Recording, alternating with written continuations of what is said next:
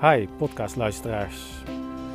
Welkom bij aflevering 1 van een gloednieuwe podcast met mij Jan Broijmans. Deze podcast gaat over data-analyse en business intelligence. Vandaag een aflevering over hoe je je klant centraal stelt en dat data die je daarvoor inzet niet altijd een harde wetenschap is. Ik wil je graag meenemen daarin aan de hand van een voorbeeld en dat voorbeeld is dat ik trainingen vaak start aan een groep trainees of een groep uh, analisten of aan uh, iemand individueel, coaching. Zat ik vaak met een uh, korte introductie van het team wat erbij betrokken is. En er staat ook een stukje van mijn loopbaan in. En in die bio staat iets over mijn studie psychologie. Daar krijg ik altijd wel verrassend veel reacties op. Mensen vragen mij dan uiteindelijk hoe ik terecht ben gekomen in business analytics en data. Of sommigen noemen het IT. Dat is wel, uh, dat is wel heel grappig. Um, mijn antwoord is eigenlijk altijd wel dat ik een, uh, een hele vanzelfsprekende reis heb afgelegd. Um, en dat ik uh, daarin terecht ben gekomen, maar dat het nog steeds um, iets is wat ik heel vaak gebruik. en dat, dat zeg maar psychologie mij helpt om data in te zetten bij implementaties van BI. Ik ben ooit begonnen als marktonderzoeker. Dus dat uh, is behoorlijk wat, uh, dat, is, dat is wel wat zachter dan BI. In marktonderzoek leer je vooral veel om uh, vragen te stellen. En dat is nog steeds belangrijk als je wilt dat ehm, de directie of marketing of sales vooruitkomt of beter wordt. de dingen kan optimaliseren op basis van data-inzichten na het marktonderzoek uh, ben ik bij een aantal uh, telecompartijen gaan werken in marketing intelligence. Dat was heel interessant omdat daar nog naast marktonderzoek ook veel meer analyse bij kwam kijken. En ook samenwerkingen met uh, data-analysten, concurrentieanalyse, etc. Ten slotte ben ik bij een grote HR-dienstverlener terechtgekomen. Daar ben ik stap voor stap meer gaan doen met steeds grotere hoeveelheden data. En ik ben me bezig gaan houden met automatisering en standaardisatie.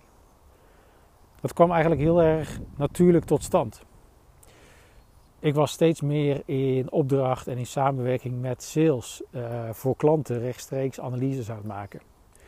Dat duurde vaak heel lang en dat had ook niet altijd uh, het gewenste effect of niet de gewenste oplevertijd. En uit onvrede met die langzame time to market, met name vanuit sales, eh, ben ik gaan pleiten voor een uh, soort machine die uh, sneller en beter is. Eerst werkten we vooral veel met Excel spreadsheets waar heel veel handmatige bewerkingen in gedaan moesten worden. En daarna werkten we ook met mooie visualisaties, maar dat duurde heel lang om die voor elkaar te krijgen. Ik heb de kans gegrepen om met IT te gaan samenwerken in een aantal projecten daarvoor. En het was voor mij de kennismaking met agile werken en ook het mede beslissen over BI-oplossingen. Even een tussenstapje, eigenlijk vertel ik dit verhaal omdat ik wil laten zien dat softe skills en harde skills, um, softe skills en harde wetenschap, dus het combineren van het doen van onderzoek bijvoorbeeld en uh, harde data-analyses, dat dat uh, altijd samen uh, moet gaan of altijd samen kan gaan. Dus um, met, deze, met dit verhaal wil ik ook laten zien dat dat bij elkaar hoort en dat je dat ook op een hele natuurlijke manier voor elkaar kan krijgen door dat aan te tonen of dat, um, daar een plan voor voor te stellen bij, bij je directie bijvoorbeeld. Alles draait namelijk om de, om de customer. Customer intelligence en de experience, customer experience, moeten de belangrijkste prioriteiten zijn binnen ieder bedrijf, binnen een webshop binnen een zakendienstverlener of uh, in ieder ander uh, bedrijf. Of het nou B2B of B2C is. Wat ik heb gedaan in samenwerking met IT, uh, die projecten waar ik over sprak, is op zoek gaan naar wat zijn nu eigenlijk de resultaten die wij voor elkaar willen krijgen. Hoe willen wij de klant beïnvloeden?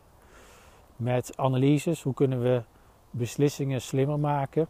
in het geval van die HR-dienstverlener wilden we weten welke personen we snel en makkelijk konden inzetten en welke personen moeilijk te vinden zouden zijn op basis van de set skills. En we uh, daar meer moeite voor moesten doen en eigenlijk ook meer analyse voor moesten doen om die te vinden of wellicht ook nog een opleiding aan zouden moeten bieden. Uiteindelijk hebben we daarin een soort Lego blokjes in geformuleerd. Dus met de eerste drie blokjes konden we al heel goed een impact maken via sales bij klanten. En die zijn we als eerste gaan opbouwen met data, vervolgens met koppelingen en een stukje data science uh, voor berekeningen die uniek zijn, in, destijds uniek waren in de wereld van HR.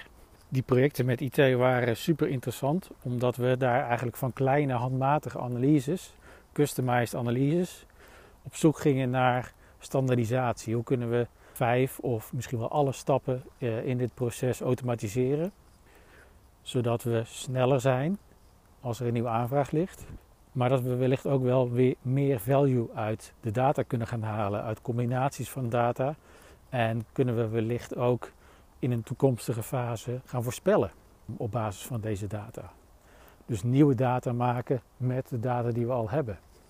Dat we niet meer alleen achteruit kijken, maar ook vooruit gaan kijken. En daar het gesprek over gaan voeren. De leercurve die ik toen heb eh, doorgemaakt met, uh, met het IT-team uh, was, uh, was indrukwekkend. Het was heel erg leuk om te zien hoe je mensen kan overtuigen door eerst te gaan bouwen aan een wat nu een MVP heet. Dus dat je gaat kijken naar oké, okay, wat kunnen we als eerste neerzetten, waarmee we ook weer voor elkaar kunnen krijgen dat we hier verder aan door mogen ontwikkelen. En op die manier zijn we stap voor stap verder gegaan in het ontwikkelen van, van een product, van een machine die intern heel veel mensen van uh, informatie voorzag. Maar uiteindelijk ook extern heel veel impact had bij klanten. En eigenlijk een soort adviestraject uh, werd langzamerhand. Het verschil konden we maken doordat we uh, nieuwe dingen aan het doen waren. Maar we waren ook vooral aan het overtuigen op een andere manier. Het belangrijkste om die impact te bereiken was toch ook wel dat we het verkocht kregen. En dat mensen geloofden in de, de oplossing. Dus ook al vroeg sales daar heel erg om. Uiteindelijk moesten we ook nog uh, investeringen loskrijgen om met nieuwe tools en met een team van mensen daaraan te werken. Even terug naar het gekke feit dat ik dus, misschien wel het gekke feit dat ik psychologie heb gestudeerd. En dat, vind, dat veel mensen dat eigenlijk een rare combinatie vinden. Dat ik nu in business intelligence zit, in big data en een achtergrond als consumer psycholoog heb. Het heeft mij juist geleerd om te luisteren, in kwalitatief onderzoek bijvoorbeeld. Luisteren is ja, voor mij eigenlijk echt het vertrekpunt. Uh, het belangrijkste wat je in gesprek met een klant of als je ook aan het coachen bent, vind ik uh, luisteren. Dus wat, uh, wat zit iemand dwars? Wat, wat is de passie van iemand? waar vindt iemand dat er iets verbeterd kan worden? waar liggen de kansen? En dat als vertrekpunt gebruiken om terug te redeneren naar en welke data zou je dan nodig hebben? Welke analyses zou je nodig hebben? Welke inzichten ben je naar op zoek om nog die puzzel te maken zodat jij die verbetering in kan zetten? En dat is, dat is super interessant. En dan ben je dus aan het luisteren. Je bent iets aan het creëren. Uh, aan het kijken naar een innovatie. Kun je iets vernieuwen? door gebruik te maken van een harde wetenschap zoals data-analyse, data science. En dat is het hele interessante stuk waar het schuurt, waar je op zoek gaat naar hoe kan ik met softe skills en de input van een harde data-wetenschap op zoek gaan naar meer value voor de klant. Dus misschien kan ik wel betere producten voorstellen op een website. Misschien kan ik wel een meer logische customer journey creëren door de juiste vragen te stellen en dan de analyse te gaan doen. En dat is voor mij de essentie waarom ik zo ontzettend gelukkig ben met dat ik dat fundament heb. Dat ik in die psychologie heb geleerd, een heel klein stukje heb geleerd om uh, te interviewen en dat als vertrekpunt te gebruiken. En niet standaard oplossingen in de markt proberen te duwen, die misschien helemaal niet gevraagd worden. Daarom denk ik dat in Business Analytics ieder project toch wel een stukje customization nodig heeft. Iedere klant heeft weer een andere set met applicaties en tools. En het is altijd maar weer net de vraag: in welke fase staan ze? Waar moet je naar? Waar, willen ze in groeien? En dat is uiteindelijk toch een heel interessant, ook vaak wel een customized puzzelstuk. Om op zoek te gaan naar hoe kun je dit ook makkelijker voor ze maken door automatisering en standaardisatie. En vaak gebruik ik natuurlijk daarvoor ook tools en, en middelen en oplossingen die hetzelfde zijn of op de oplossing lijken bij een ander bedrijf. Maar het begint toch vaak met dat stukje psychologie. Hoe luister je naar de klant? Hoe kun je dat vertalen in een vraag die je die moet zien op te lossen met, met analyse en daar de antwoorden uit krijgen. En er zit nog een ander menselijk of als je dat psychologisch zou willen noemen, ander psychologisch aspect aan het impact maken met data en business analytics. Dat is namelijk dat je mensen nodig hebt om die impact te bereiken. De analyse en die inzichten alleen, die zullen niet voor een verandering zorgen, maar je hebt mensen nodig die die trein in beweging gaan zetten en die zorgen dat het, die trein bij het eindstation aankomt. Die mensen die moet je dus ook in het eerste traject, dus eigenlijk tijdens het luisteren en het verkennen, moet je die ook meenemen in we gaan iets anders doen. We gaan de dingen die we gewend zijn ook anders doen. En als je ze meeneemt, dan krijgen ze daar ook vertrouwen in. Je moet zorgen dat ze daar vertrouwen in krijgen en openstaan voor die nieuwe inzichten. En dan zullen ze ook, dan zul je ook samen die impact kunnen gaan bereiken. Dat is het, tweede grote psychologische element in impact maken en value driven met data analytics. Daarover een volgende keer uh, ongetwijfeld nog, uh, nog veel meer. Ik denk daar, dat daar nog heel veel in te bewerkstelligen is. En dat is ook mijn grootste drijfveer om samen met mensen die data in te kunnen zetten. Dus als je het hebt over het optimaliseren van je conversie. Uh, als je het hebt over het simpelweg verbeteren van je omzet of van andere KPI's. Dan zal dat altijd via de weg moeten. Laat ik het anders zeggen. Ik zie vaak dat dat geprobeerd wordt en dat het mislukt op het menselijke element in dat proces of in het project. Mensen zijn niet goed geïnformeerd of mensen begrijpen niet dat ze in een veranderingstraject zitten. Het is heel belangrijk om te beseffen en daar aandacht aan te geven vanuit eh, leiderschap en vanuit het team dat je bezig bent met de dingen anders doen. Je bent niet meer op je buikgevoel bezig, maar je gaat kijken naar de feiten.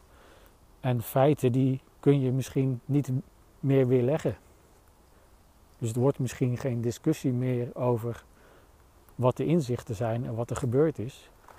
Wel over de oplossing en wat de beste oplossing kan zijn op basis van die feiten en die inzichten. En dat is veel interessanter.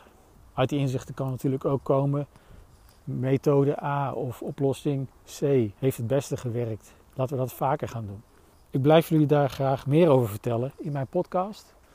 En dit zijn natuurlijk ook mijn eerste podcastervaringen, dus ik hoor graag jullie feedback. Wat zijn jullie vragen? Stel ze aan me uh, via een DM, via Twitter, via e-mail, jan.janbroijmans.nl. Ik hoor ze graag en ik ga graag met jullie de wereld van business intelligence verder verkennen. Dankjewel voor het luisteren en tot de volgende podcast.